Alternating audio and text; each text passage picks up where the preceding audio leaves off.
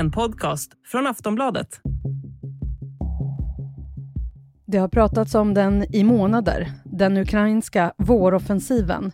Men ingenting har hänt förrän nu. Ukrainas motoffensiv mot Ryssland är inledd. Här ser vi president Zelensky bekräfta det hela under en pressträff i huvudstaden Kiev. Ukraine's military says it has retaken a fourth village from Russian forces in the southeast. The gains reported over two days are the first in months and are part of Kiev's new counteroffensive. Kriget i Ukraina är inne på sin 16 månad och vi får fortsatta dagliga rapporter om vad som händer. Under våren så har det pratats mycket om att Ukraina är på gång med sin så kallade våroffensiv, alltså när de börjar slå tillbaka istället för att bara försvara sitt land. Men det har dröjt. I helgen som gick så bekräftade Ukrainas president Volodymyr Zelensky att motoffensiven inletts. Redan nu så har det kommit rapporter om att ukrainska soldater återtagit flera byar, men de uppgifterna är fortfarande oklara. Frågan är också hur mycket båda sidor har lärt sig av varandras krigföring under året som gått. Kan lärdomarna göra att det hela tar ännu mer tid än planerat och kostar mängder av människoliv? Vad förväntar sig Ukraina av motoffensiven? Hur mycket av det militära stödet från väst påverkar strategin och hur kommer Ryssland att svara? Det pratar vi om i det här avsnittet av Aftonbladet Daily med mig, Jenny Ågren. Och jag har med mig en bekant gäst, Joakim Paasikivi, överstelöjtnant och strategilärare vid Försvarshögskolan. Joakim, det har snackats länge om den här våroffensiven. Hur märks det nu att den här offensiven faktiskt är igång? Att dels så har eh, både Putin och Zelensky sagt att den är på gång. Eh, och det kom ungefär en vecka in i den, eh, ja när markstriden hade börjat i lite högre intensitet. Alltså själva offensiven har formellt sett, om vi tittar på den, vi som tittar på den, hållit på ett par månader nästan i, i förbekämpning och så. Men när fordon börjar rulla och soldater börjar strida i större utsträckning på ett nytt frontområde i Zaporizjzja, då började den. Och det var för en vecka, tio dagar sedan. Men det är fortfarande inte så att man har satt in från Ukrainas sida alla sina förband, utan de mekaniserade, tunga enheterna verkar inte vara i strid än, utan det som verkar vara på gång nu, det är spaningsanfall, man trevar sig fram, man försöker hitta svackor, blotter i de ryska linjerna eller skapa dem för att kunna säga att ja, men här, här och här, där ska vi sätta in stöten. För det är ju så, man kanske väntade sig lite mer buller och bång eh, efter att det hade pratat så mycket om det här, men det har inte varit någon jättestor grej ännu. Ja, men det där beror nog framförallt på att eh,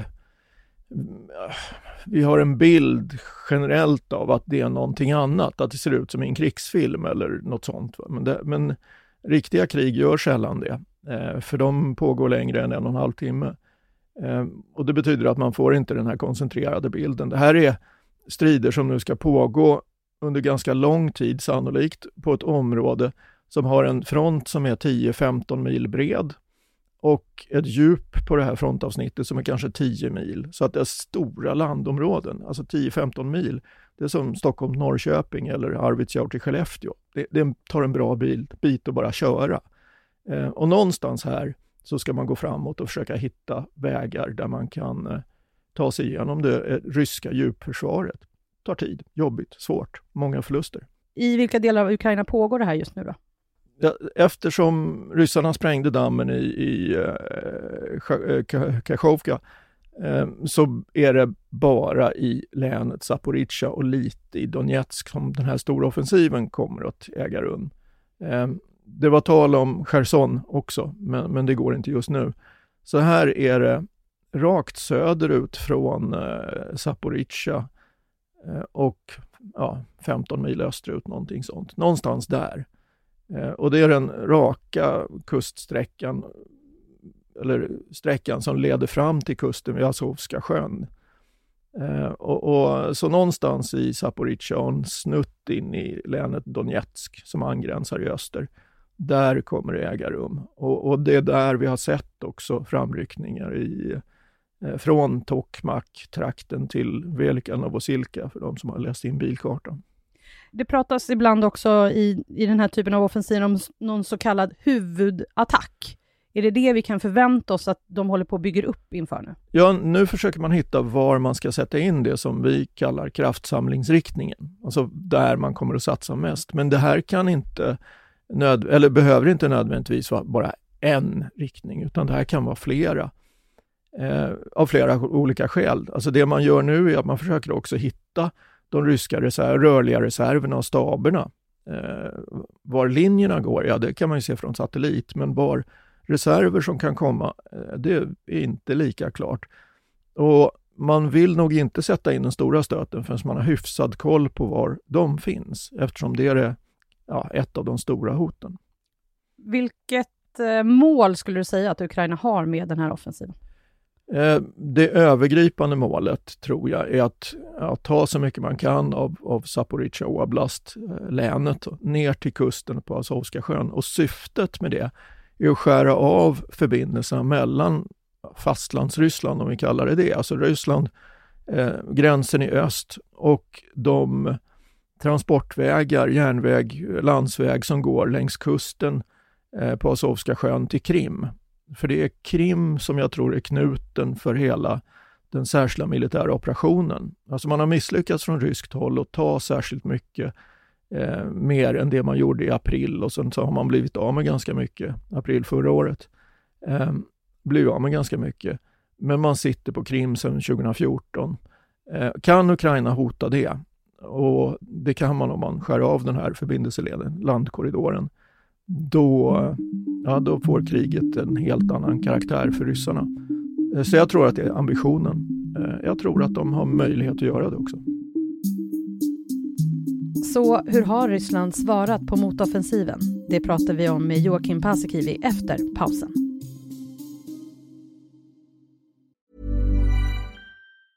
Tired of ads barging into your favorite news podcasts? Good news. Ad-free listening is available on Amazon Music for all the music plus top podcasts included with your Prime membership. Stay up to date on everything newsworthy by downloading the Amazon Music app for free or go to amazon.com slash news ad free. That's amazon.com slash news ad free to catch up on the latest episodes without the ads. Så här långt så har det rapporterats lite, det är lite obekräftade uppgifter hur, vad Ukraina faktiskt har tagit för någonting, men det har rapporterats om lite byar här och där. Vad, vad vet man om vad som faktiskt har hänt? Ja, precis det du säger. Eh, att vi vet det som det rapporteras om. Vi vet att det rapporteras, men vi vet inte riktigt sanningshalten i allting. Eh, ett problem är att vi vet inte mycket eh, mer än det som kommer på videoklipp och då vet vi inte riktigt när de här är tagna. Eh, det går att geotagga, man kan se var det är någonstans, men riktigt när, det är inte helt klart. Men, men det, det verkar inte helt osannolikt att Ukraina har tagit de här byarna. Ehm, och sen kommer det andra uppgifter som är svåra att ha koll på. Det är där det inte finns några filmklipp eller videoklipp eller annat. Och sen kommer, finns det förstås de ryska uppgifterna som, som eh, närmast är att sortera in i liksom sagoböcker. För det är generellt sett helt orealistiska siffror på ukrainska förluster som de påstår. Och Ryssland firade ju nationaldag häromdagen. Putin valde att inte ens nämna eh, kom, kommentera läget i Ukraina. Hur har Ryssland svarat på det här som händer nu? Ja, Putin har efter det kommenterat nu och sagt att eh, eh den här offensiven pågår, att Ukraina har förlorat 160 stridsvagnar och att Ryssland då har förlorat ett 50-tal. Alltså båda de här siffrorna är helt eh, häpnadsväckande så tillvida att dels så säger han att eh, Ryssland har förlorat så många, eh, det har vi inte sett. Och de här 160, eh, det, det är definitivt bara hittepå. Eh, men det faktum att han säger nu att det här pågår och så vidare är att han, han, ja, han tar ett ägarskap för budskapet att det inte är helt lätt. Eh, men han säger samtidigt att ja, men allt går enligt plan och målen är de samma. Har Ryssland någonting upp i skjortärmen så att säga? Nej, inget annat än kärnvapen. Och där tror jag inte att man kommer att använda det. Eh, men det finns inga liksom, fantastiska dolda reserver. Det är klart de kan sätta in mer flyg, men, men det är ändå så här, det är inte fantastiskt och nytt. Det blir bara besvärligare för ukrainarna. Det, det, um, undervapen eller något sånt, ja det, de vill gärna presentera det och framförallt eh, sådana här bloggare som stödjer Ryssland säger att äh, men vi har inte börjat än. Då kan man ju tycka att det är lite sent sådär ett och ett halvt år senare och bara hundratusen döda. Joakim, Ukraina har ju fått ett stort militärt stöd från väst, även blivit eh, lovade stridsflyg nu också. Hur mycket hjälper det här i motoffensiven? Vi har inte riktigt sett de stora västutrustade förbanden rulla än. Eh, Ukraina har förlorat eh, Bradley-vagnar, kanske ett femtontal någonting stans eh, där och, och, en handfull Leopard 2-stridsvagnar så att det är, krig är farligt. Eh, här säger USA att man ska ersätta de här Bradley-stridsfordonen eh, ehm, men eh, de västliga vagnarna är viktiga. Framförallt därför att det gör att ukrainare kan slåss mycket bättre på natten. Och det är också de videoklipp vi ser kommer ofta från gryningen och, och det, ja, men då har man ju eh, stridit hela natten och sen så blir det ju ljust. Det är ju trots allt mörkt bara mellan nio på kvällen och fem på morgonen ungefär. Eh, så att hur mycket, hur stor skillnad de gör, det kommer vi få se. Men jag tror att det kommer vara en, det, utan dem skulle det vara väldigt, väldigt svårt för Ukraina. Hur lång tid är det kvar tills de kommer att börja använda de här grejerna? Ja, det är också svårt att säga. Jag skulle tro någon, någon vecka kanske. Men alltså, så fort ukrainarna har bestämt sig för att de har hittat tillräckligt många eh, möjliga framryckningsvägar, då kommer man sätta in dem. Men problemet är att man måste ju från Ukrains sida veta var minfälten ligger, hur ryssarna har disponerat sina trupper och var reserverna finns. Så att, eh, ja, det är omöjligt att säga, det är ukrainarna som vet. Men det måste också vara lite lättare för båda sidor att eh, strida nu när det ändå är sommar? Ja, ja visst. Eh, det är varmt och värmen är jobbig, men det är det enda stora problemet. Liksom varmt och dammigt, det får man leva med. Men fram till nu, oktober, så kommer det vara hyfsad terräng. Alltså, det är klart, det, det, har regnat nu senaste eh, veckan eller någonting sånt och då blir det lerigt igen, men inte så här djuplerat. Det blir bara jobbigt. Eh, så att nu har man en, en, möjlighet att strida under hela sommaren och delar av hösten och, och, det är därför man sätter igång nu. Jag läste också någonstans eh, att västvärlden står och stampar lite och vill se resultat. Vad säger du om det? Jo, men det är ju eh, framförallt media, eh, får vi säga, som, som alltså kommer otaliga artiklar som talar om hur viktigt det är. Jo, det är jätteviktigt, men det är ingen film. Så det här är på riktigt, människor dör och därför så går det inte bara att kasta in de här i, i strid och hoppas på det bästa, utan det måste planeras och genomföras på ett sätt som att det, där det finns en rimlig chans. Och därför så, så säger i alla fall jag och många andra kommentatorer just att eh, nej, det här kommer att ta lång tid, hela sommaren åtminstone. Eh, sen kan det gå jättefort ifall det ryska försvaret kollapsar, men, men det går liksom inte att räkna med att allting ska bli fantastiskt. Är det så här att den här motoffensiven ändå har en möjlighet att bli en vändning i kriget? Ja, det har den. Eh, på, på två sätt. Det ena sättet är om det går bra för Ukraina, då kan man kanske i efterhand säga att det var här kriget vanns. Det vill säga, kommer de ner till kusten och kan hota eh, de, ja, rysk, den ryska planen helt enkelt, då, då kan man nog se att det här var en avgörande punkt. Inte den enda chansen för Ukraina, men den bästa eh, i år i alla fall. Och å andra sidan, går det inte alls, fastnar man i de ryska linjerna, ja, då kan det nog vara där det blev ett långvarigt utnötningskrig. Joakim, vilka chanser har nu då Ukraina? Jag tror att Ukraina har ganska goda chanser. Ehm, vi har inte sett de här anfallsbrigaderna sättas in än och eh, det är svårt att ta sig igenom den ryska mineringen. Alltså djupa linjer där ryssarna grävt ner sig länge, men det är trots allt eh, den ryska armén och den har inte fantastisk utrustning och ganska låg moral. Det kommer vara svårt, men jag tror att Ukraina har goda chanser god moral, bra utrustning. Och sen är det så, det händer saker från dag till dag nu, som det har gjort hela tiden under krigets gång. Vad kan vi förvänta oss nu då, de närmaste dagarna?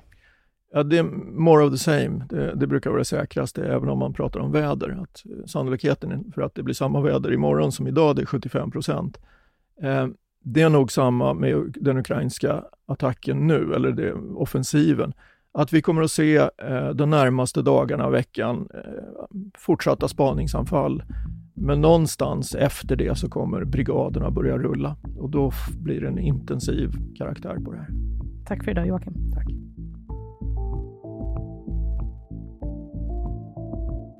Sist här Joakim Paasikivi, överstelöjtnant och strategilärare vid Försvarshögskolan. Jag heter Jenny Ågren och du har lyssnat på Aftonbladet Daily. För det senaste om kriget, gå in på aftonbladet.se. Vi hörs snart igen. Hej då!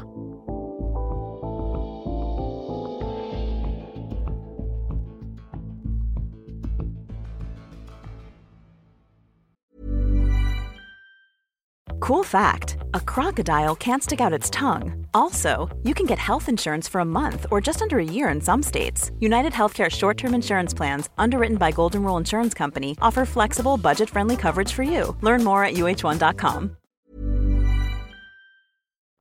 Du har lyssnat på en podcast från Aftonbladet. Ansvarig utgivare är Lena K Samuelsson.